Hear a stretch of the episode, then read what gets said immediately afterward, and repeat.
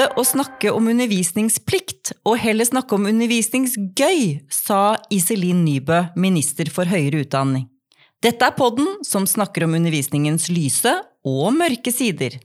Jeg heter Gunn Enli og er studiedekan ved Det humanistiske fakultet, Universitetet i Oslo. Her på mitt kontor tenker jeg mye på undervisning.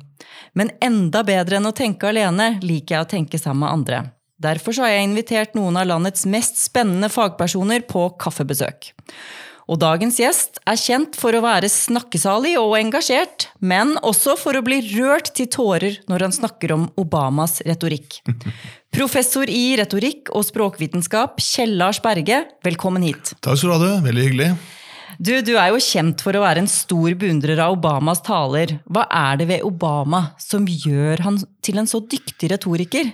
Det er jo veldig masse, da. Samtidig er det liksom summen av det hele. Men han er jo eh, fremragende eh, selve språklig og, og, liksom det som kalles logos. da, ikke sant? Det at han klarer å snakke om komplekse og krevende temaer på en utrolig tilgjengelig og engasjerende måte. Altså, Tekstene hans er jo godt skrevet og godt bygget opp, og ikke minst en ekstremt god framføring. Mm. Altså, han, har jo, han, har jo, fra naturens side da, en, en, vakker stemme som jo som liksom gjør at han er i stand til å få eh, poesi ut av eh, det treigeste stoff. da. Jeg hører at du er nesten ja, ja, forelska her. Det er jo sjeldent ikke sant, at politikere har de egenskapene. Også selvfølgelig fordi at de sjelden får lov til å breie seg mm. så mye. da. I Norge så er det liksom bare korte snutter vi hører, og sånn, så vi får jo liksom aldri oppleve dem som skikkelige retorikere. og Det, det tillater man jo amerikansk politikk. da. Men ellers må jeg også si det at når han slo gjennom eh, som politiker, og det var jo med et brak. ikke sant? Altså, når han uh, dukka opp på Demokratenes nominasjonsmøter, så fikk jo jøss, folk liksom Wow, hvem er denne karen? For han kom jo fra intet. da. Mm. Så det er, jo, det, er jo, det er også en side ved han. altså Han har en enorm evne til å engasjere publikum, og, og, og, klarer å svare på publikum når han snakker på en måte som gjør at det blir enda bedre. Er jo ganske imponerende. Mm.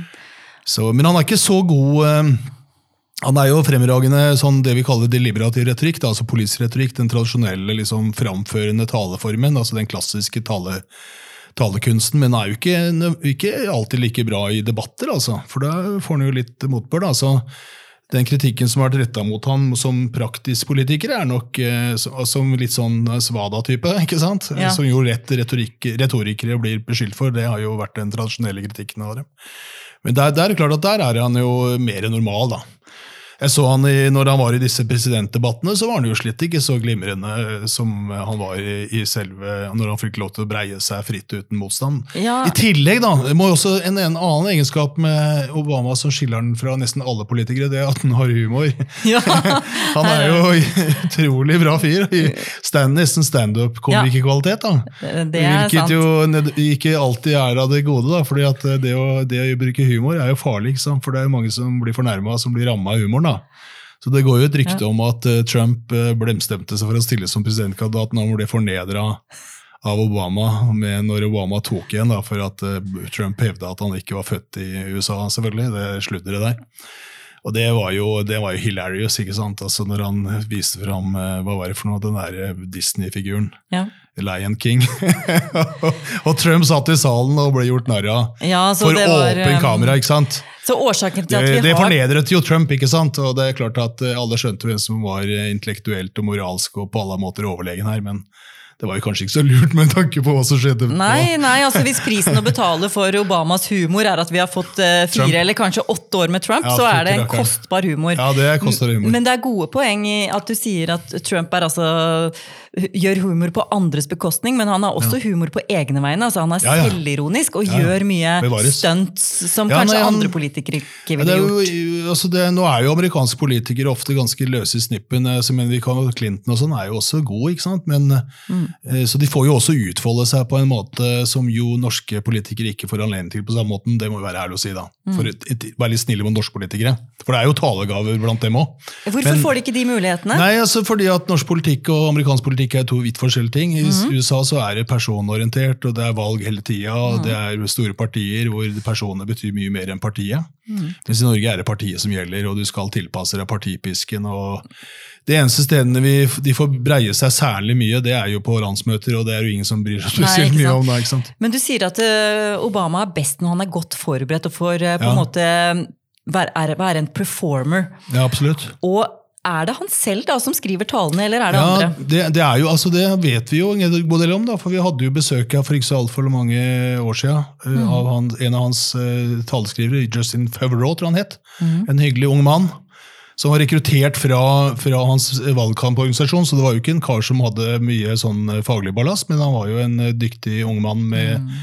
eh, makt, altså med språk, og makt over språket. da. Og Han beskrev eh, faktisk hvordan dette, denne talen som Obama holdt eh, på nobelprisutdelingen ble skrevet. og Den skrev de jo på flyet over Atlanteren, ikke sant? og Obama måtte jo få sove litt. da. Ja. Men når de da kom fram til Norge så, så gikk, og gikk inn i heisen på Grand Hotel, så sier Obama kan jeg få talen? Og så satt han hele natta faktisk og jobba med teksten. Ja, han Så at om eh, morgenen til frokost fortalte for bra, så, sto, så kom han med talen. Da var han ferdig. Han gjorde den til sin egen. Ja, han gjorde den til sin egen. Ja, Så det er trikset. Bruk er trikset. taleskriver, men Ja. gjør det til ditt eget. Ja, og det tror jeg, altså for Vrå, så langt jeg kan vurdere, da, ikke sant? det var jo han fortalte dette litt sånn spontant og spennende, så er Obama altså Han, tar, altså han får hjelp, selvfølgelig. Det har jo også å gjøre med den tidsramma du har til disposisjon som en sånn fremstående politiker. da. Men han gjør talene til sin egen, og det er klart at det går ikke an å holde de talere med en sånn kvalitet uten å være eh, godt forberedt og være forankra i teksten som person. altså Det går ikke. Og sånn er kanskje du også som foreleser. er... Vel, vel.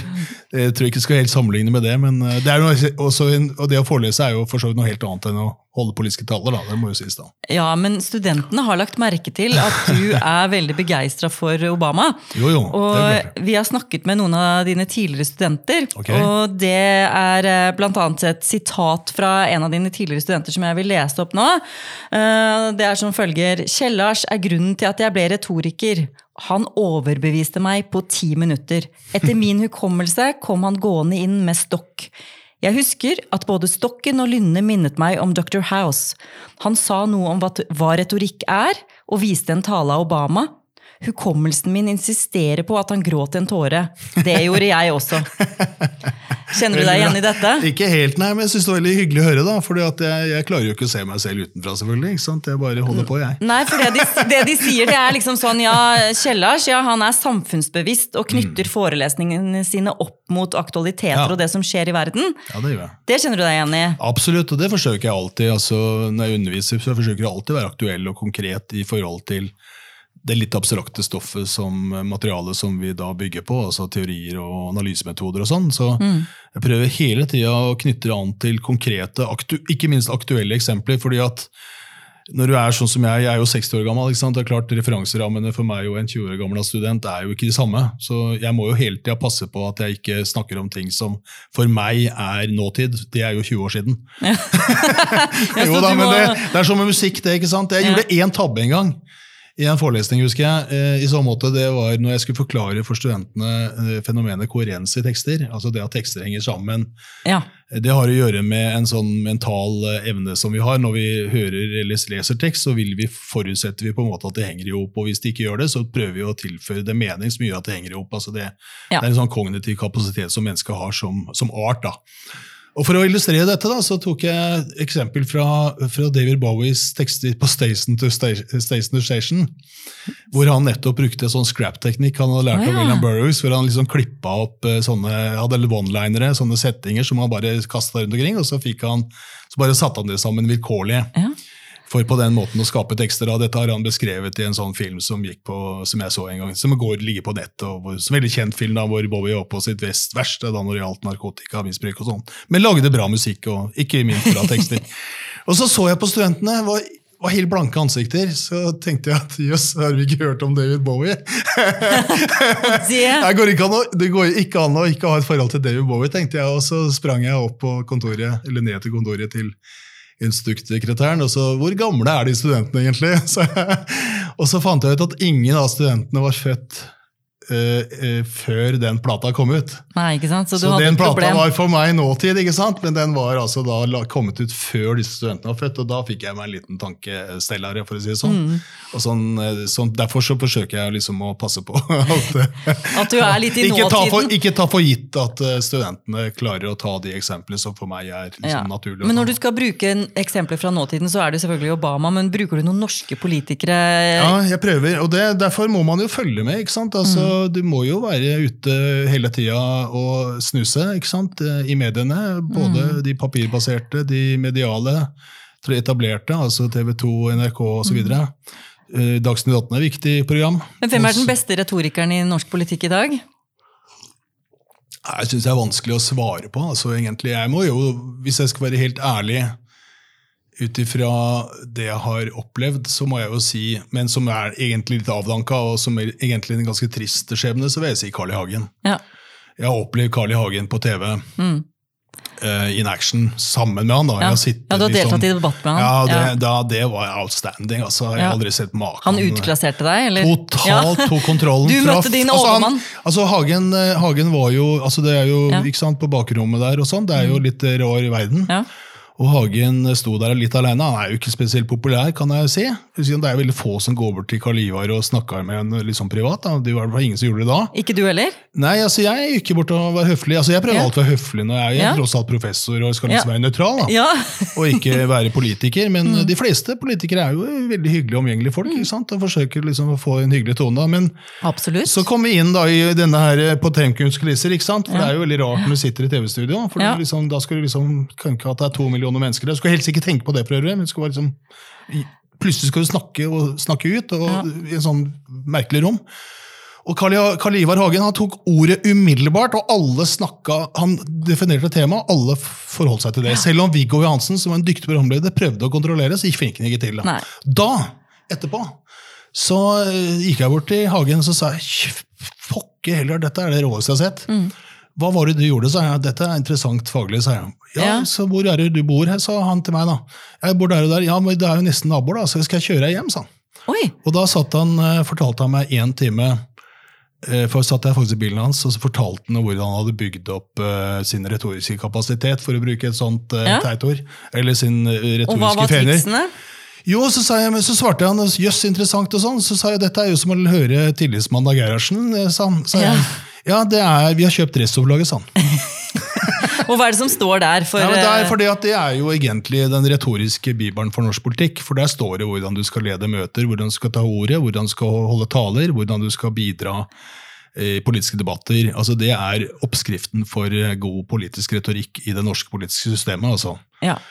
Blant Så annet Den boka har jo gått i utallige opplag, og veldig mange som har lært seg, lært seg å ta ordet i enten det er politiske partier eller i, i andre sivile organisasjoner, de, de har lært eller gått i den skolen. altså. ja, så tipset er, så er en god lærebok. altså. lese Tillitsmannen. Det er en god bok. Eh, Jeg har fått med meg ett tips der, og det er å ikke sette ut for mange stoler når du skal ha, ha, holde foredrag. At det For heller for få stoler, og så fylle på etter hvert, for da virker det som dette er et populært arrangement. ikke sant? Mm.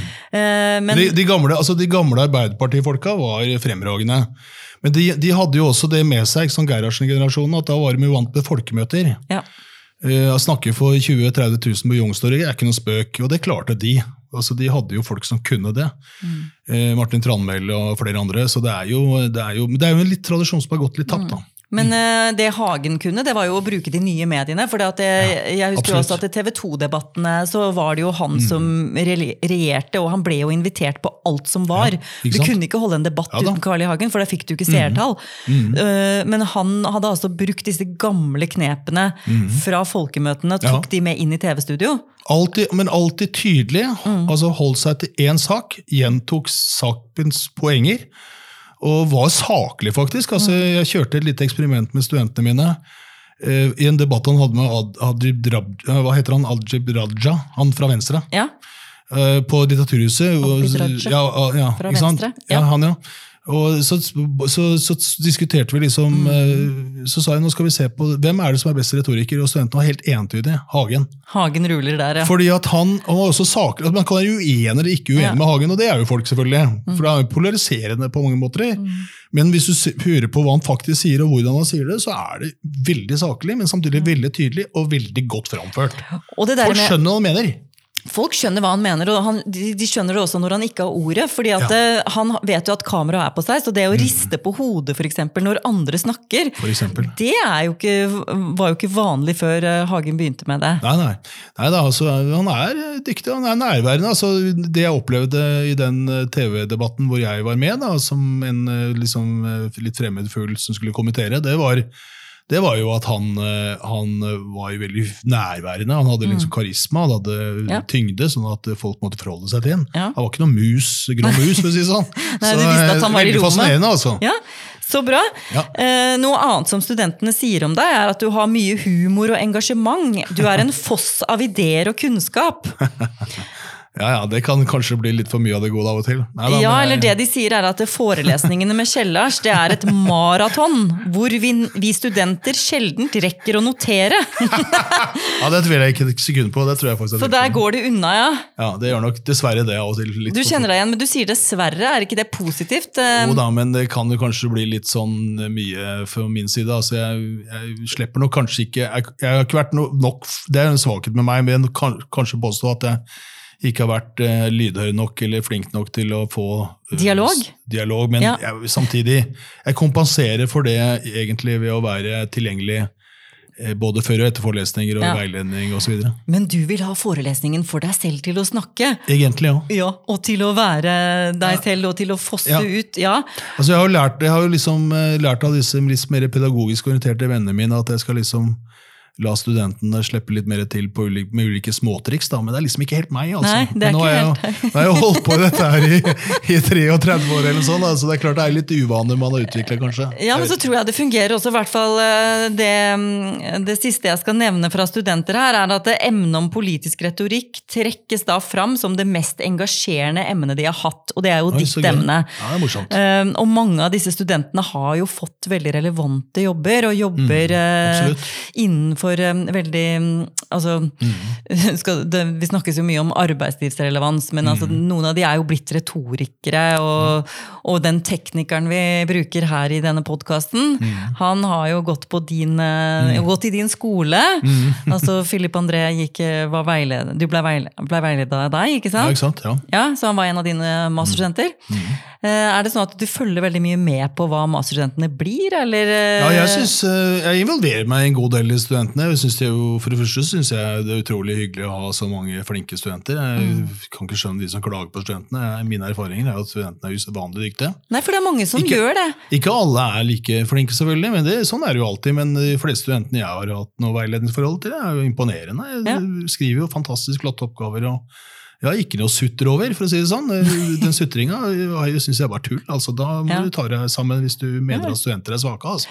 Men, men det, som, det som jeg vil si kanskje når det gjelder eh, politisk retorikk, og siden du nevner dette med arbeidslivsrelevans, så har det Mm. vært for meg var det veldig viktig å invitere folk eh, fra feltet da, Ja. altså til å snakke om, eh, om sin kompetanse og sine erfaringer. Altså, Én ting er jo selvfølgelig forskere, du har jo vært til stede en gang. ikke sant? Jeg inviterte jo deg. Stemmer det? jeg Eh, Men vi kan jo invitere forskere, men da får du fra det samme sida Mm, som meg. da, ikke sant? Men jeg inviterer også både kommunikasjonsfolk, altså folk som driver i bransjen. ikke sant? Eh, Kjell Terje Inndal, for eksempel, for å ta ett case. Ja.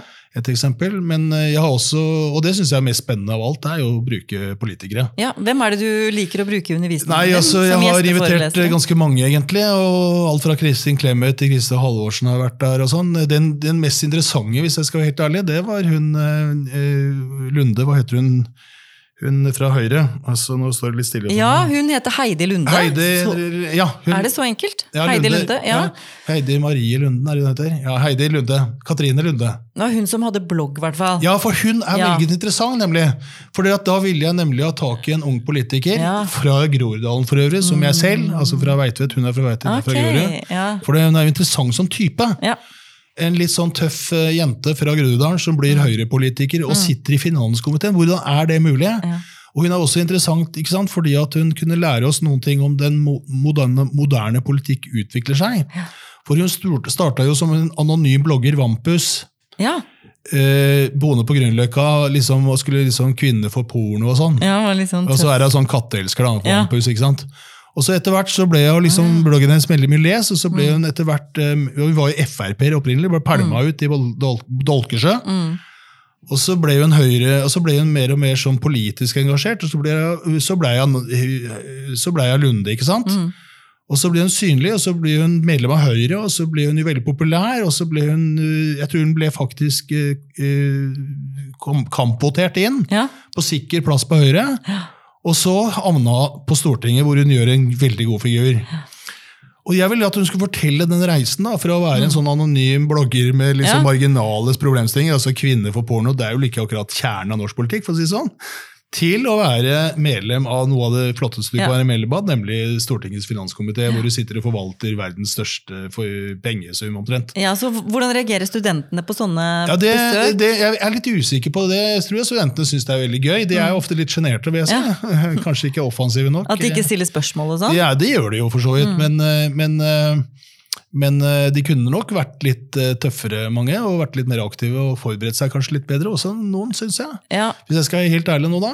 ja, for du skal jo Eh, det. for du har jo et privilegium når du har tilgang til en tidligere statsråd, f.eks. Ja. Altså, masse spennende du kan få ut av vedkommende. Ja. Og de, som Kristin Clemet sa til meg, Kjellars, Ashia, du driver med politiretorikk. Ja, det er jo kjernepolitikken. Det er jo det vi driver med hele tida. Vi gjør ikke annet det. å skravle og skriver. De er nødt til å kunne Ja, det er det retorikk hvis politikk de dreier skal- seg om. Ja, hvis de skal vinne velgere. Og Ja, nå er det jo kommunevalg til høsten. Ja.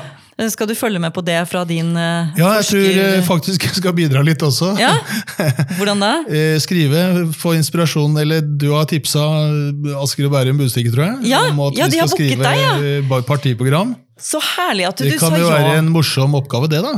Ja, for jeg, Jeg gjorde det, med det jeg gjerne, altså.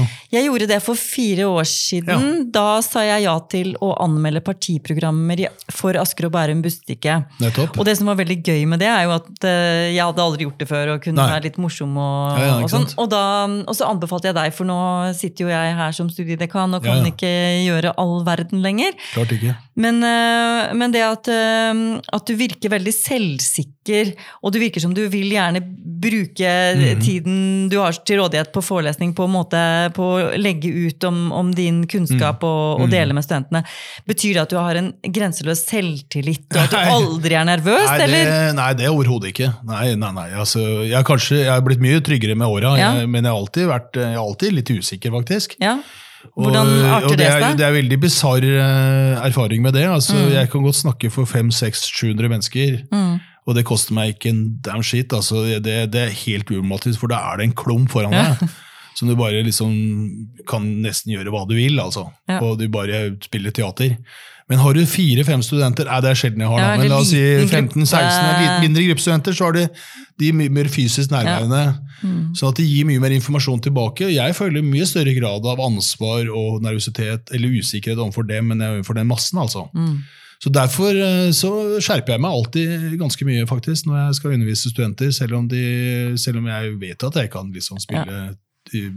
konge på haugen. Men, Ja, men, eh, men for meg er det veldig viktig å respektere studentene. altså. Eh, De er jo unge mennesker ikke sant? i sin viktigste utviklingsfase i livet. Dette Mm. Ja. er folk som er i ferd med å på en måte komme seg ut i samfunnet, bli noen ting, og det skal man ha respekt for. ja. Og da skal vi gi dem, eh, hjelpe dem så godt vi kan. ikke sant? Og det betyr at jeg tar meg sammen. altså. Ja. altså, Hvordan Så jeg er ikke likegyldig i forhold til å forholde meg til studenter. altså. Det er jeg overhodet ikke. Det ligger en ganske stor vekt på. faktisk. Ja, Så du er veldig godt forberedt, da? Det er jeg alltid. Mm. Veldig godt forberedt. Derfor kjører jeg ordentlig sånne powerpointer, men samtidig prøver jeg å frigjøre meg fra dem må være Mm. språklig tilgjengelig, altså muntlig. da. Sånn at ikke bundet til, Jeg sitter ikke og leser opp det, men, altså, men jeg har liksom litt støtteark, sånn at studenter kan følge med Mm. Ja. uten å notere så mye. da. Ja, jeg skjønner. Så kan jeg heller snakke litt fritt og kåsere litt og komme med litt anekdoter og kjøre litt sånn, eh, litt sånn ting som gjør at det kanskje blir mer spennende å høre på. da. Jeg vet ikke. Ja, og du er jo eh, engasjert eh, både som foreleser og formidler, egentlig. Ja. Så vi hører deg jo innimellom på radio. Du er i P2s fredagspanel. Vi leser av og til at Mm. du er enig eller uenig uenig med universitetspolitiske skillelinjer. Så eh, altså, du er tydelig i offentligheten. Mm. Jo da. Hvordan er den rollen? Trives du med det? Nei, jeg har ikke noe problem med det. Jeg syns det er ganske ok. Så lenge, altså Jeg har jo også vært leder for Norsk faglitterær Ja. forfatter- og oversetterforening, og da, da var jeg jo tvunget til å delta på en helt annen måte, og med et betydelig ansvar også, fordi det var jo snakk om 6000 medlemmer og ganske store eh, summer å forvalte. ikke sant? Sånn at, eh, og da hadde man jo viktig oppgave når det gjaldt å drive litteratur- og kulturpolitikk. da. Nei, altså jeg, nei, jeg syns det er gøy. altså Jeg er Ja. ikke noen partiperson, det må jeg være ærlig å si. for jeg, Ellers hadde jeg nok vært partimedlem etter gang. Ja. Men jeg, er ikke, jeg liker å være fri og, og sånn, og jeg syns jo jeg synes jo vi universitetsfolk, eh, som jo har, eh, vil jeg si, ganske privilegerte samfunnsposisjoner, Ja. eh, trygge og sikre arbeidsplasser med stor frihet, vi bør eh, på en måte være det ansvaret bevisst. da. Og delta innenfor rammen av vår kompetanse og myndighet, så å si. Mm. Delta der vi kan delta, på en opplysende måte. Og Det betyr jo at du ikke kan være Du skal jo ikke være orakel, du skal jo ikke være et leksikon. ikke sant? Du skal jo ikke være besserwisser. Så Derfor må du på en måte ha respekt også for det praktiske feltet. altså At politikere kan på en måte være litt kritiske mot oss. da, Eller folk flest, som det heter. ikke sant? Ja, så? Sånn at vi, er, vi må balansere for å si det sånn, folkelighet med kunnskap. da. ja. Det er viktig. Og det er krevende. Ja, jeg benytter sjansen til å snakke mens du hoster. Ja. Fordi at det som betyr noe, er vel da at vi som forskere må eh, markere oss i offentligheten og delta, Mm. og at det kan vi også lære noe av som vi bringer tilbake til forskningen og til undervisningen. Eller hvordan tenker du om det? Absolutt, og jeg syns jo det gir veldig mye. Altså, igjen, altså, jeg, kan, jeg leda jo en debatt med flere politikere her forleden og da, om kunnskapspolitikk, og da sa to av de veldig framstående politikere meg hvorfor deltar ikke forskere mer? Ja, nettopp. Og Det synes jeg er et godt spørsmål, eh, og det stilte jeg også ut i forsamlingen. da. Og det jeg synes det er eh, oppsiktsvekkende. altså, Nå er det jo en del som gjør det, da, det må jo også sies. da. Vi har jo fremragende, vi har jo Einar Lia for eksempel, på vårt, vårt, vårt fakultet. Ja, han er flink, og det er eh, flere andre som ja, det er eh, mange, mange eksempler, seg. så du skal kanskje være litt forsiktig med være for mange heller også, men, men det er noe med å noe å våge å tørre å delta der ute og bidra, Mm. altså. På viktige politikkområder som jo vi universitetsfolk kan bidra med mye innsikt i. da. Og, men det er klart, eh, ikke, det, er ikke, det som man må tåle da, det er jo å få motstand. Ja, Å komme Og kanskje ikke bli sitert eller bli brukt sånn som man alltid liker. da. Altså Det er jo klart at Mange får jo sjokk ikke sant, når en eh, journalist har tatt et sitat, og så klipper inn et sted hvor, eh, som, som ikke passer en. da, ikke sant? Så at Man må jo være seg litt bevisst at det er sånn mediene jobber og fungerer, og sånn har det vært i hundrevis av år. Det kommer ikke til å bli annerledes. Mediedramaturgi er mediedramaturgi. Det er noe annet enn å sitte og skrive en artikkel for et internasjonalt tidsskrift. altså. Det er det, og du må gi slipp på litt av kontrollen. ja. Det er det du forklarte om Obama i stad, at han er dyktig når han får dominere eller bestemme sin egen taletid, men blir han utfordret i en debatt eller svare på spørsmål, så kan han være litt mer variert i det han presterer. og sånn. Ikke sant? Sånn er det jo for eh, mange av oss at vi eh, har jo ikke kontroll helt når vi stiller opp i mediene. Vi vet ikke hva slags bilde de velger, hva slags overskrift velger de, hva slags ingress, hvordan klipper de sammen sitatene, hva slags sitater bruker de ikke. Fordi at det er jo veldig mange ganger jeg har blitt intervjuet hvor jeg har sagt ting som jeg syns er det viktigste jeg sier, som ikke blir trykket. Men de velger andre ting. Sånn er det. Fordi de vil vinkle det på den måten. Og det er deres frihet, og det må man bare slappe av med. Ja, det må man slappe av med. Så Selvfølgelig passe på sitatsjekk, da.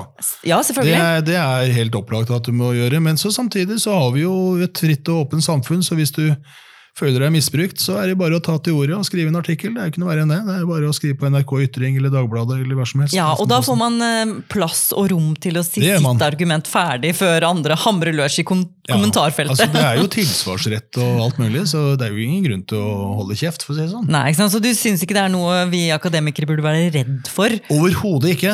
Eh, Snarere tvert imot. Jeg syns at man bør nyte det og, hygge seg ved det. For Ja. det, det er jo en fordel i et samfunn at meninger meninger brytes og at kunnskap formidles. Det syns jeg er kjempeviktig. Mm. Og et område som du har markert deg litt på, det er jo skolepolitikk. Ja. Eh, det er, eh, det er jo sånn at du bl.a. har argumentert for at eh, skriveopplæringen er for dårlig i norsk skole. Og er det noe du ser når du er foreleser her på universitetet, at skriveferdighetene er for dårlig, eller Altså Nå har jo jeg studenter som, som nå har de flere år, stort sett de siste årene i hvert fall hatt stort sett masterstudenter, og da er de jo ganske gode. Ja. For da er de jo på en måte selektert, liksom. Altså de, Ja, da har de kommet på et nivå, de kommet på et nivå, er og valgt erfarne, å de begynte å bli erfarne. erfarne. ikke sant? Sånn. Men jeg tror helt klart at, øh, at Og det har jeg jo belegg for, jeg har jo tross alt forska på dette. Det er jo dessverre sånn at den skriveopplæringa som øh, Særlig den som gjennomføres i videregående skole, ikke holder de har de kvalitetskrav som vi forventer øh, at den bør ha dersom øh, elevene skal være rusta som studenter mm. til å skrive. Altså, norsk skriveopplæring, sånn som den forvaltes innenfor norskfaget, forbereder ikke for et akademisk studium. Det gjør det ikke. Overhodet ikke. Altså, de må jo liksom skrive litterære tolkninger av dikt og Mm. uttale seg om Georg Brandes syn på å sette problemer i debatt og sånn. Det det er jo ikke dermed sagt at det er overførbart til det å være god skribent innenfor historiefag eller for nasjonaløkonomi eller medisin. Altså. Det er, Men ville du foreslått noen endringer? ja, ja, det har jeg sterke meninger om. Altså. Ja, ja, definitivt. Jeg sitter og skriver på en artikkel nå hvor jeg har tenkt å foreslå å endre hele eksamenssystemet, faktisk. Knytta til skriving. Spennende. Ja da, så det, det, det, ja, Der mener jeg ting, altså. Så er Så her artikler. lever du i nuet. Du Ja. er ikke 30 år tilbake Nei, nei, men eh, det er fordi at eh, den måten altså Nå er det jo en læreplanrevisjon. Mm. Og der kan jeg nok være litt stolt av meg selv, fordi at uh, i, bare for å illustrere hvordan et sånt engasjement kan ytre seg, Ja. arte seg, unnskyld, når man uh, virkelig deltar. Og det kan jeg ta som eksempel da nå, som er helt aktuelt. Og det var i, i tidlig sommer, så ble jeg ringt opp eh, av en lektor på Vestlandet Mm. eh, som var helt fortvila. Eh, Fordi at elevene eleven hans, som jo han hadde fulgt over tre år, og som jo han hadde jobba ganske intensivt med, de fikk altså karakterer som gikk i hytt og pine til eksamen i norsk hovedmål. Og han hadde hørt om meg, da, og hadde hørt at jeg hadde forska på sånn som går på vurdering av tekster og kvalitetstenkning rundt tekster. da. Ja. Eh, og liksom fått en ditt navn et eller annet sted fra. Gunnar vet hvor, men greit nok han ringte meg. Og så sa han kan du tenke deg å stille opp i Bergens Tidende, sa han, for han var på Vestlandet. dette her. Ja, selvfølgelig, sa jeg. Bare be dem ringe, du, så skal jeg svare. jeg. Ja. Og så ringte journalisten fra Bergens Tidende ganske raskt etterpå, da. Og jeg la i vei, da. Og dette ble jo snappa opp, ikke sant? Eh, skandaløse oppslag og sånn. Altså, da kjørte pressen på skandalevurderinger og sånn. ikke Ja. sant? Altså, det var jo klart at Denne læreren hadde jo elever som var klar for medisinstudiet, og så får de to. ikke sant? Det er jo gråt og tenners snitsel, det er jo klart det er jo galskap. Ja. Det er jo noe som ikke stemmer, og det er systematisk. liksom. Og, da, og dette var jo, visste jeg jo, altså det var jo gjort undersøkelser, og jeg kjente jo til forskning på dette. Så det overraska jo overhodet ikke meg, altså. Men øh, det overrasker av en eller annen grunn alltid offentligheten, og journalistene ringer i vei. Så ble det snappa opp eh, Det er jo noe som heter Skipsted, da, ikke sant? Altså, de har jo journalister, og så ble Ja. Aftenposten tok den opp. Og da var det en kommentator, eh, Helene Skjeggestad, som også tok kontakt da. Så skrev hun en kommentar, og den, har jeg, den skrev jeg faktisk litt for henne. Altså, jeg, Ja. Hun sendte et utkast til meg, så fikk jeg dritt på Det det er litt. sånn det foregår! Ja, så så det ble en stor kommentar. Og så fulgte Aftenposten opp med skikkelig gravende journalistikk. Ja, nettopp. For de gikk etter i sømmene eh, disse, eh, debatt, disse vurderingene, og de fant jo graverende sprik. Oi, oi, oi. Så det var en journalistisk jobb som har kosta penger. Ja. Samtidig så var jeg på Dagsnytt 18 og krangla med Utdanningsdirektoratets uh, direktør, som jo aldri har jobba i skolen, og som jo er statsviter herfra. ikke sant? Det er ren byråkrat. da. Og Da var jeg sånn rimelig pottesur, for å si det rett ut. Og Sånn at det ble veldig mye press. da. Og så skrev jeg en kronikk i Dagsavisen som statssekretæren måtte svare på. Kunnskapsdepartementet tar feil, skrev jeg som overskrift. Ja. Så svarte han, eh, en ung jypling, det også, unnskyld uttrykket. Altså Han var FRP, tidligere FrPU-leder. Han har vel aldri Atle Simonsen. Han har vel omtrent ikke Han har gått i skolen, det er omtrent det, og så blitt statssekretær. Og så, eh, så, begynte, så skvarte han da liksom eh, sånn litt flåsete kjekkastil, som han sikkert har lært på sånne retorikkurs han har gått på. Du gjør narr av jo, jo, jo, nå gjør jeg narr, retorikkurs for og den var, ditt og for det var datt. for den er litt teit tekst, da. ikke sant? Her, er- Som om jeg ville rive, ned samfunnet, liksom. Det var liksom den tonen der, da. Som om jeg var en idiot. ikke sant? Det er jo slett ikke Ikke på det punktet der, i hvert fall. Og så, og så, og så eh, eh, ble det også debatt eh, i forbindelse med denne revisjonen, og der skrev jeg også en Der var det jo Sten Ludvigsen som har fått makt og myndighet, altså vår kollega nede på her. og Han har jo enorm innflytelse og liksom høres på, og skrev en veldig, veldig rar artikkel om dybdelæring. Mm. Som jeg ikke skjønte et kvekk av, for å si det sånn, og i hvert fall ingen lærer skjønner et kvekk av. Da skrev jeg at dette er jo gale, Mathias. Jeg skrev Morgenbladet, skrev ikke det, men jeg mente jo det. Altså, Dette her er Ja. bare Mellom linjene sto det det er galt, bare Mathias. Revisjonen kommer ikke til å ha noen konsekvens. Det er ganske god dekning for. Så fascinerende, så hadde, kjørte jeg en del interessante Så gjorde jeg også en del jobber bak, på bakrommet med politikere, faktisk. Jeg møtte flere politikere og tok kontakt med dem. Så kommer, og det var en stor glede, må jeg være ærlig å si, da viser det seg at regjeringen i sin regjeringserklæring har bestemt nå å revidere vurderingssystemet. Oi, oi, oi. Så nå er en komité i gang, selvfølgelig uten meg, da. Det er klart du kan ikke ha med meg. Nei. Det, Men ville det jeg er litt fornærma? Ville du gjerne vært jeg, med? litt, så- jeg syns det er litt rart at uh, må, debattantene, og særlig vi som har forska på det, ikke er med. Men har du spurt, da? Nei da, det er ikke så farlig. Akkurat det er ikke så farlig, altså. Men, men det er jo gode folk der. så Det er, ikke, Ja. det, det er veldig gode folk i den komiteen. Men ikke sant? der ser du altså. Mm. I regjeringserklæringen har de faktisk bestemt seg, så nå er det en komité i gang.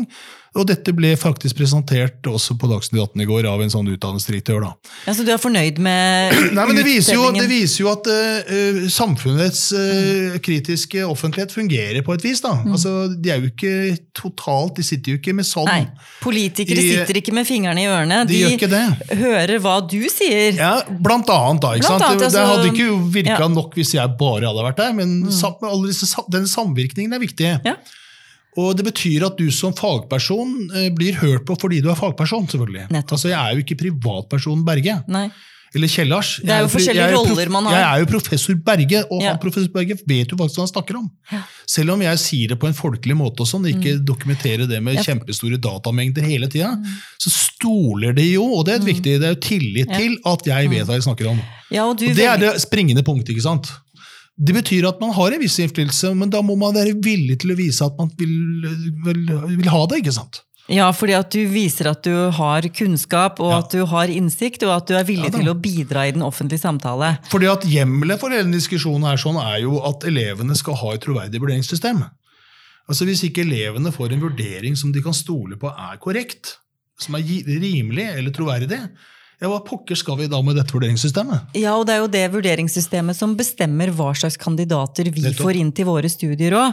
her på universitetet så er vi jo mye, det er mye snakk om opptakskvalitet. altså Hva slags kvalitet er det på studentene våre? Og du nevnte i stad at Mm. Ja. du syns ikke de er svake, du syns de er dyktige, de studentene du har. Mm. eh, Og at det klages for mye over at studentene er svake. Men samtidig så sier du at de kunne stilt mer spørsmål, eller de, Ja, ja. de kunne vært mer aktive og sånne ting. Og, så det er litt sånn delt bilde. Men uansett så er det karakterene som bestemmer hvor de kommer inn. Absolutt, Så det avgjør jo på en måte deres karrieremuligheter. Ja, og selvforståelse og selvtillit Mm. og selvtro på, tro på seg selv, motivasjon, er jo mange ting som så hvis ikke Det det, er jo fungerer speil, En karakter er jo et speil. ikke sant? Du har fått en karakter, du har fått et stempel, du tror at du er sånn som den karakteren. Og så kanskje du blir sånn. Ja, ja det, det, det kommer litt an på deg, da. Men det er klart Hvis du at, tror at eh, du- ja, nei, ja. Det er, Men det er jo veldig stigmatiserende. altså. Mm, Det kan være det. Ja, det kan det. Men eh, vi har jo også sittet sammen i et utvalg, du og jeg tidligere, som okay. heter Lærebokutvalget. Ja, Du, du var leder av det, Ja, ja, ja, og det jeg var det. menig eh, medlem i lærebokutvalget til eh, Universitets- og høyskolerådet. -hmm. Eh, og det vi gjorde i det utvalget, da, det var å vurdere søknader om støtte til eh, norsk eh, læremidler for høyere utdanning. Altså bøker ikke sant? Som, eh, som folk da hadde ønsket å utgi på norske forlag, og vi vurderte er denne verdig å få pengestøtte eller ikke. Og motivasjonen for ordningen var å understøtte norsk språk i, i um, høyere utdanning. Hvordan syns du at det står til med norsk språk? Er du bekymret, eller tenker du at det går bra? Jeg tenker norsk i forhold til engelsk på, Jeg- jeg- på jeg har. Jeg har jo ikke den fulle oversikten på noen måte. og I mine, mitt fagmiljø så anvendes jo norsk som en, eh, som en eh, verdsatt måte, språk å skrive vitenskapelig på. da. Mm.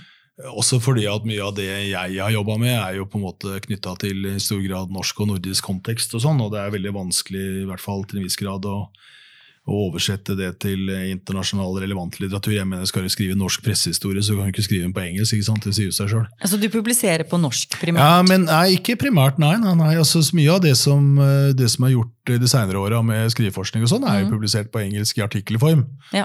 Med ganske stort gjennomslag også, vil jeg si. Men det er klart at det å kjøre dobbelt bokholderi på språksida er vanskelig. altså. Ja. Og krevende. ikke sant? Altså, det er ikke bare at du må kjøre dobbelt bokholderi, men du må på en måte jobbe mot en norsk, eller nordisk, vil jeg si, eh, faglig kontekst og bygge fagmiljøet lokalt. Og så må du samtidig vende deg ut i verden og delta i samtaler og debatter internasjonalt. da. Og, eh, og det er klart at eh, det er jo arbeidskrevende. altså Skal du delta internasjonalt på en skikkelig måte, ikke bare publisere på en måte litt obskure ting, men delta ordentlig og ha påvirkning, så, så må du ikke bare skrive artikler, men du må også delta på konferanser, være med i organisasjoner og sånn. Det er jo ikke noe spøk, altså. Nei. Så det er tidkrevende. Du må reise. Du må mye. reise ganske mye, altså. Sånn at eh, For meg har det, det har vært eh, det har, De siste åra har jeg prioritert det faktisk i ganske god grad. altså. Ja. Og det har vi klart å få. og vi har, Derfor har vi også fått et ganske stort gjennomslag på en del av forskninga vår internasjonalt, vil jeg nok uh, si, uten å legge for tjukt på. Mm, men du er Men- ikke bekymra for men altså, norsk så jeg, språk? litt, eh, altså, jeg er veldig bekymra for en del av den eh, ideologien eh, en del eh, kanskje litt ureflektert formidler, at norsk ikke er et gyldig skriftspråk for vitenskapelig publisering. Det, Mm. det er det reneste tøv. Jeg tror i veldig mange sammenhenger så er man nødt til å bruke språk for å bygge opp faglig kompetanse, f.eks. Definitivt å komme inn i faget. Mm. Så det å lage lærebøker uansett fag på norsk for studenter er jo helt nødvendig. Mm. I, i flest, Storparten av studentene skal jo jobbe i norskspråklig kontekst og kunne formidle faget sitt på norsk. da.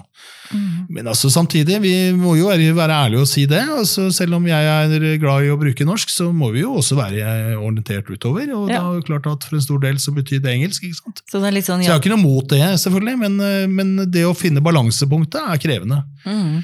Så jeg synes nok, eh, jeg kan jo for min egen del si at eh, den, det jo, det jobbe internasjonalt er jo definitivt også veldig knytta til karriere. da. Ja. Og det er klart at det er jo jeg, jeg bare tar for meg selv som eksempel igjen, da, for det er jo det vi skal snakke om. mine erfaringer. Så kan jeg jo si det at jeg har jo fire barn. ikke sant? Fra de barna fra, altså Jeg kunne jo selvfølgelig ha sagt til kona mi at du skal være hjemmeværende og passe på ungene. Eller har jeg en jobb med 5 og sånn, og lager middag hver kveld, og sånn, og så kan Kjell Lars reise rundt i verden og bli verdensmester og snakke på konferanser. Det hadde ikke gått, altså. Nei. Da hadde det ekteskapet gått eh, ad undas i morgen. Så det, det hadde ikke fungert for meg. Det er meg. ikke bra likestilling, vet du. Nei, altså, At, det, sånn var ikke jeg ville ta det, men det er klart at det er veldig viktige år hvor jeg hadde Nei. små barn. Mm. Samtidig er jo de åra du Og det syns jeg er krevende. altså. Det, Mm. det har jeg sett er krevende for mange andre også. Hvordan kombinerer du familieliv med det å delta i et internasjonalt forskningsmiljø? Det er vanskelig. Ja. Det er mye vanskeligere enn mange tror, tror jeg. Og hvis du, i hvert fall hvis du også skal ha et rikt familieliv, med øh, følge opp unger, Ja. Og, å være hyggelig mot din uh, samboer eller ektefelle hva det nå er være hyggelig, særlig, det er veldig krevende. ja, men du skal jo være kjæreste Ja, ja, og alt mulig. alt det? Du skal jo ta vare på sånne emosjonelle ting. da. Ja. Og da og samtidig liksom, hver gang Nei, nå skal jeg til eh, Antwerpen, og nå Ja, skal nei, jeg til det, Hongkong. det og- tar altfor mye tid, det. det å komme dritsur hjem ikke sant? etter å ha sittet på flyet tolv timer, og forvente at da skal de komme en sånn kjempeklem, og middagen står klar og sånn. Og så får du kjeft istedenfor. Ja. Jo, jeg tror dette er veldig mange som opplever. ja, det er klart det er en ja. konflikt. Så det er en side ved det vitenskapelige eh, som ikke mange tenker på. altså At det faktisk er en del personlige investeringer i det, som jo er krevende. altså. Ja, det er det jo. Her i Norge så er vi jo vant til at eh, kvinner kan også bli professorer, selvfølgelig. Selvfølgelig, ja. Og eh, jeg har eh, møtt internasjonale kolleger, bl.a. fra USA, som ble veldig overrasket da jeg fortalte at jeg hadde barn. Fordi de har valgt det bort, og sagt at nei, det går ikke an å kombinere. Så de eh, satset fullt på den eh, livsstilen du beskriver, at man kan reise rundt og forske 24 timer i døgnet, eller være veldig aktiv. Som de ofte må gjøre i sånne miljøer. Ja, så vi er jo heldige her i Norge, da, at det går an å, å kombinere. Altså, en, av mine, en av mine beste venner eh, som jobber i Italia, gift med en meget kjent eh, professor, profilert kvinne. da. Mm. Og hun har ikke kunnet få barn. Altså, det vil si, De fant hverandre, og da fikk hun vil forsøkte de, nå var hun 40 år. Da var det for sent. Og Hun tilhører et elitemiljø i, i, i Italia som sitter i riksdagen, parlamentet og er toppfolk og har store nettverk, men ingen av de kvinnene har barn.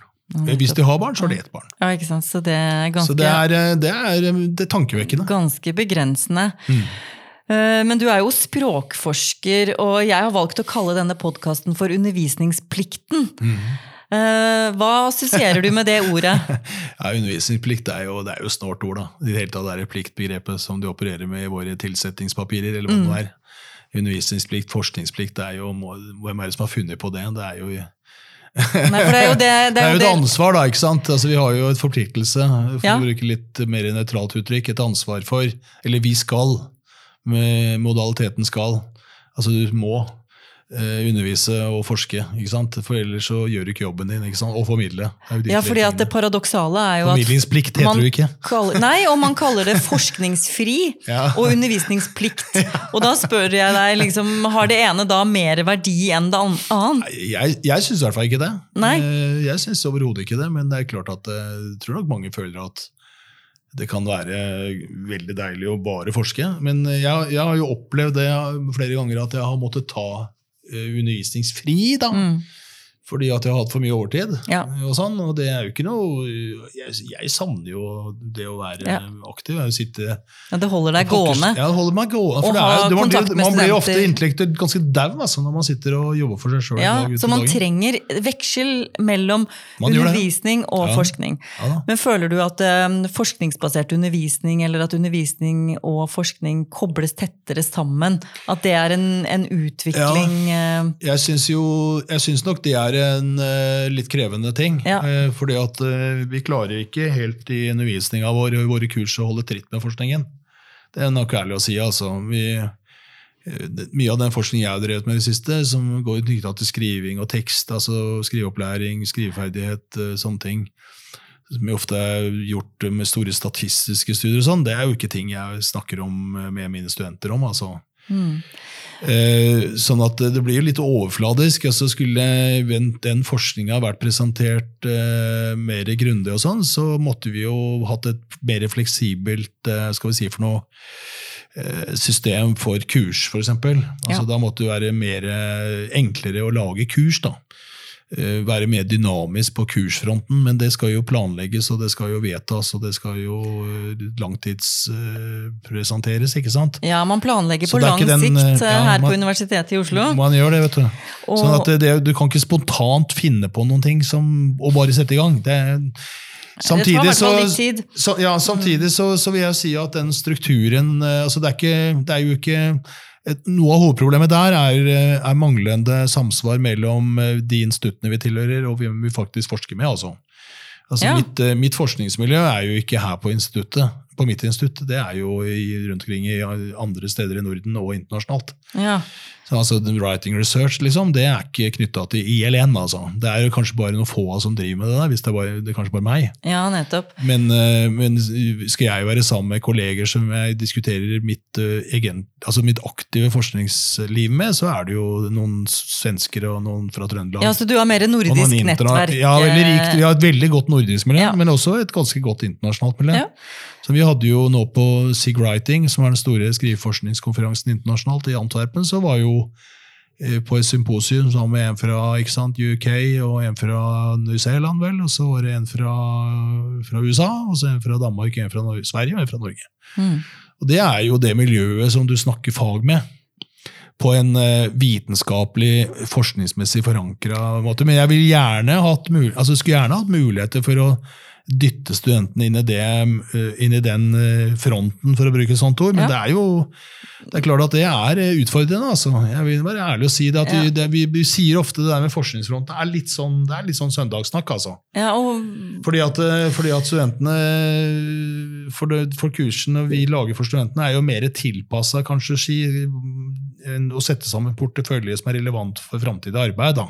Ja, for du underviser sånn. i politisk retorikk og, ja, tekstvitenskap, og tekstvitenskap. literacy og- har jeg hatt. ikke sant? Ja, så du Sånne ligger kurs. ganske tett opp til det som er nyttig, da, eller samfunns- Ja. eh, og, og For arbeidslivsrelevans. for så vidt, men eh, ikke sant, tekstvitenskap er jo ikke det. Det er jo Studentene får tilgang til metoder for å analysere tekst på et ganske avansert nivå. da. Mm. Eh, Og Der bruker jeg jo ting som vi, vi, Mm. vi, vi Jeg prøver å trekke inn nyere artikler, eh, altså helt aktuelt stoff. da. Mm. Men de må jo samtidig, på det nivået der, på masteren, så, så må de jo også lese litt eh, grunn... Altså litt eh, klassiske ting. Mm. Altså viktige bidrag til vitenskapen som de ellers ikke får tilgang til når de går på lavere nivå. Altså vi må, de må jo på et, et eller annet trinn i studiet faktisk treffe ordentlige originallitteratur. Altså. Ja. Og det, det insisterer jeg på at vi skal gjøre der. Og det, det betyr jo at det er litt sånn tidsspenn og, og sånn, som, som gjør at en del artikler er litt gamle, men samtidig er det et Altså skjell- skjellsettende arbeid. Ja, for Ja. eksempel, eh, alle mine studenter må lese for innenfor narrativ forskning, så må de lese La- Labov Waletsky fra 66, en artikkel som er sitert i tusenvis og referansepunkt for all studier av muntlige fortellinger. Og så har du jo narrativlogien, ikke sant? Roland Barth. Jeg syns man skal lese sånt, da. ja. Eh, For på én gang i hvert fall har lest noe ordentlig, noe skikkelig noe, som er skrevet, som er originalt skapt, og som er faktisk eh, formet forskningen. da. Ja, det tror jeg også er veldig Nei, Vi humanister, altså Der vil naturvitere tenke annerledes, men vi humanister må gjøre det. De må at, til eh, primærkilden, ja, ja, ja, må nok det. originaltekstene, i hvert fall på et eller annet tidspunkt. En, en, eh, et annet problem som jeg har merka med studenter, eh, fordi at jeg har jobba mye med historisk materiale altså Jeg har skrevet eh, denne pressehistorien, skrev første delen av første bind. Og så har jeg også jobbet mye med 1700-tallet, med denne boka som uh, vår kollega Karen Gammelgaard redigerte, altså 'Writing Democracy' i forbindelse med 1814-jubileet. ja. Og denne fremragende arbeidene som eh, Mona Ringvei og uh, hun Fasting og, og hun eh, Nøding, Aina, uh, som jo er ansatt her. ja. Eh, eh, det der med, med sånn eh, eh, tidsskrifter på 1700-tallet, der kom det også en engelskspråklig bok ut. Også en norskspråklig bok som de ga ut, men de ga ut en veldig bra engelskspråklig antologi, da, hvor jeg bi- bidro. Men det å få studenter, og det syns jeg er litt problematisk. altså. Jeg har forsøkt å få studenter til å interessere seg for litt sånn eldre stoff. da, Historisk stoff. Gamle, rare avistekster og eh, liksom tidlige ting. Det er, det er vanskelig å få studenter engasjert i det. altså. Ja, så der butter det litt. Men det eh, del, de altså. velger kanskje å studere historie, mens de Muligens, som altså. kommer til deg, de vil mer høre om Ja, eh, samtidig- Sylvi Listhaug og Ja, ja. For de bruker vel henne som eksempel med den Facebook-posten og Selvfølgelig man det, vet du. Men, men samtidig så er jo 70-tallet veldig nå. fordi Mm. at 1700-tallet er jo en helt crazy periode. For da åpnes, jo, da åpnes jo slusene. ikke sant? Ja. Altså, etter å ha disse teite eneveldene som disse kongene fant på for å liksom holde kontroll med Mm. massene ikke sant, på 1600-tallet.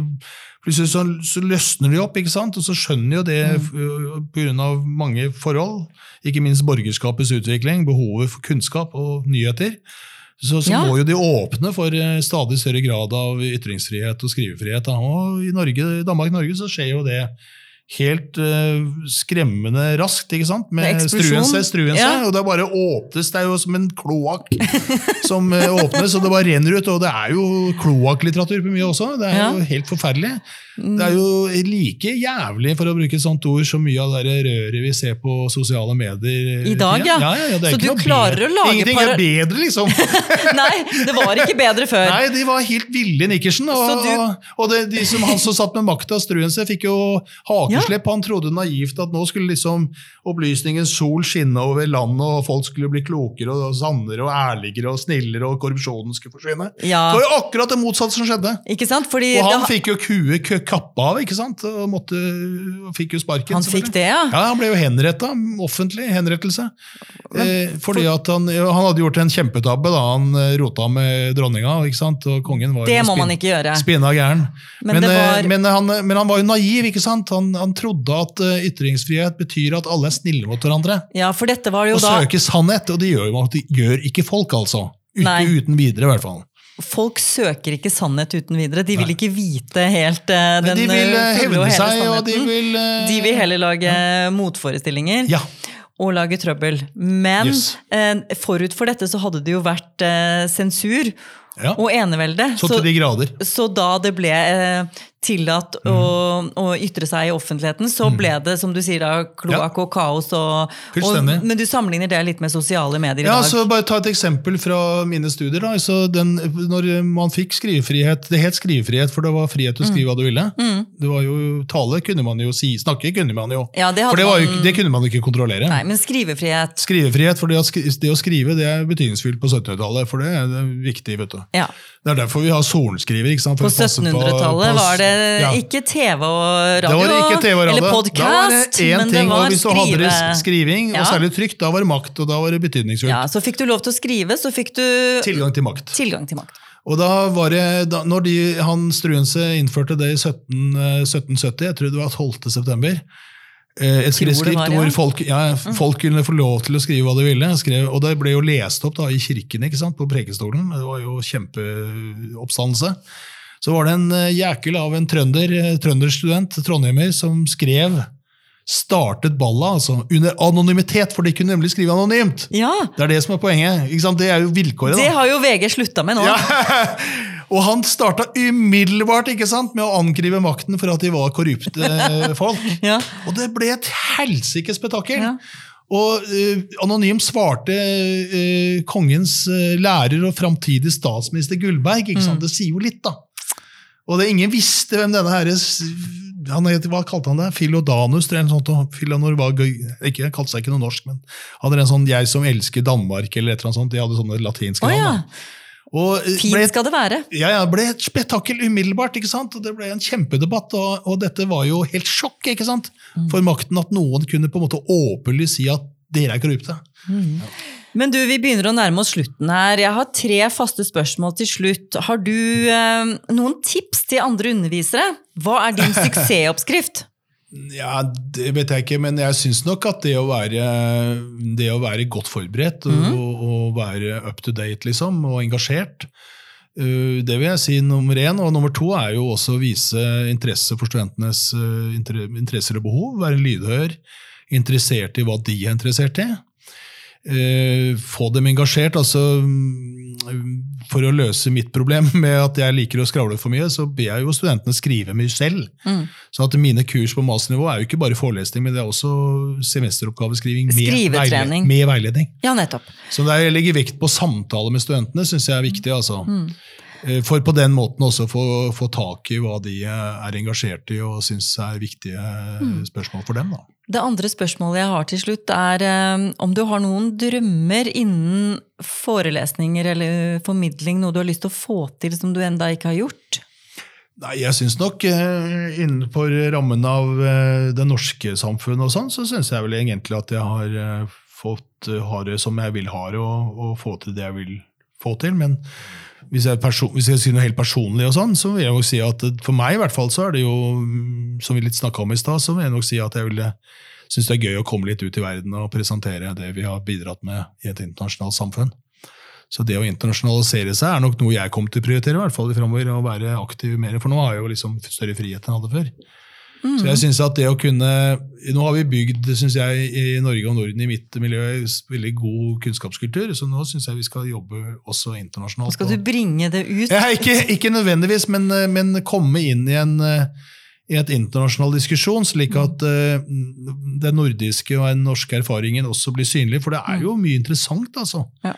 Uh, Vi som humanister, vi som kjenner norsk kultur, det er jo en fascinerende, merkelig lite land. da. Som jeg tror at uh, kan være veldig spennende å snakke med internasjonale miljøer om. altså Hva vi har erfart. Ja, jeg også merker det at det er eh, stor interesse for Ja. norske case og, og forskning på For det er jo ganske ukjent også. ikke Ja, sant? Norge og Norden er veldig Ja. stort eh, ikke sant, tematisk. Det begynte å, Eh, å komme, altså Du ser jo det er kommet opp i amerikansk politikk ikke sant? med Nordic Model og sånn. så Nordic jo- Model, ja. det er key. Hvorfor er de så bra, disse landene? liksom? Spørsmålet. Ja. Klarer de, hvorfor klarer de å kombinere velferdsstat med, med høy, sterk økonomisk utvikling? Det skjønner jo ikke amerikanere. ikke sant? Nei, det, det virker jo veldig paradoks. Og med, som du sier, hvor også både kvinner og menn respekteres og får anledning til å utvikle seg som Ja. mennesker, ikke bare som familiemedlemmer. ikke sant? Det er jo også Altså- kjempegode kvaliteter. Ja, så er den jo norsk- norske modellen er litt sånn eksportvare å, å Ja, snakke om også, også som for Ja. en retorikkforsker som deg. Definitivt, ja. Eh, Men hva tror du om fremtiden innenfor høyere utdanning? Hva tror du blir de største forandringene om sånn 15 år? Altså, de største forandringene vil jeg nok si er å holde kvaliteten oppe. Da. Altså, det er jo klart eh, det- Største utfordringen? Ja, altså Det er jo klart at det norske samfunnet har jo enorme eh, forventninger til at mm. alle skal lykkes med høyere utdanning. Ja. Nå har man altså laget eh, universiteter på hvert et nes i Norge omtrent, og det er klart at og alle skal inn i den samme malen. Det tror jeg ikke går, altså. Nei. Så du Det tror vi får et problem med masse Ja, altså, altså, man snakka jo masse universitet allerede på 60-tallet, men nå er det jo alle, på en måte. Og det syns jeg er uhensiktsmessig. Jeg syns man bør differensiere bedre der, og skjønne at arbeidsmarkedet ikke bare trenger akademikere, for å sette litt på spissen. da. Altså, ikke alle burde ta mastergrad. Nei, hvorfor jeg ser ikke, altså Hvorfor skal profesjons, øh, mer profesjonspregete utdanning, type lærer, sykepleier, tvinges inn i en sånn tradisjonell akademisk mal? Det er vel den samme tabben vi gjorde når vi utvida gymnaset, som alle skulle ta studieforberedende utdanning. Mm. Altså I Norge så er 95% av populasjonen forventes å klare det. det. Det har man jo ikke i Danmark. Der er det 40% som tar gymnas.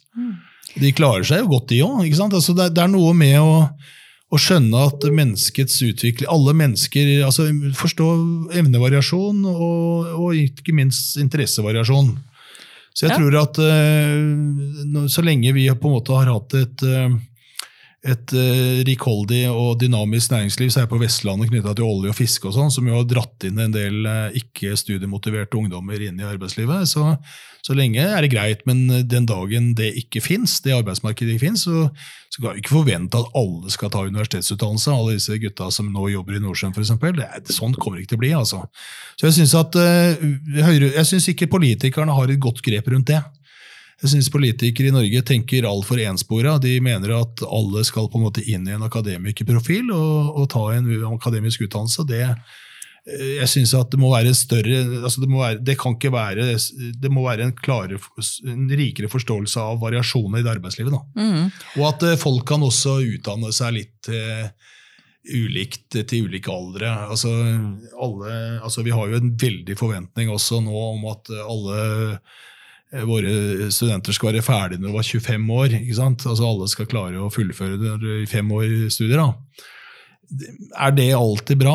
Altså, er det ikke greit at folk utvikler seg litt i utakt? og Noen kommer inn her og har erfart litt og jobba litt og sånn, og liksom kommer til innsikt på den måten? Ja, så Altså, du, jeg har jo eh, mange litt eldre studenter. Ja. De er ofte ekstremt eh, dyktige fordi de har erfaring.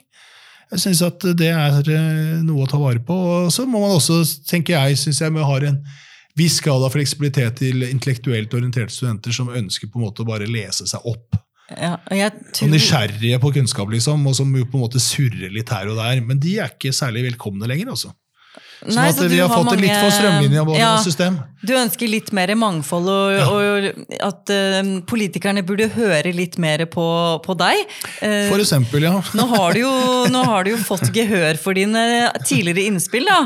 Og jeg må si meg enig med studentene dine. Du er eh, en fyr med mye humor og engasjement, og en foss av ideer og kunnskap. Eh, så tusen takk for at du kom og ga meg så mange nye perspektiver her på begrepet undervisningsplikt. Neste uke er vi tilbake med en ny spennende gjest fra Akademias høye elfenbenstårn og dype korridorer. I mellomtiden, gå inn på iTunes og abonner på Undervisningsplikten.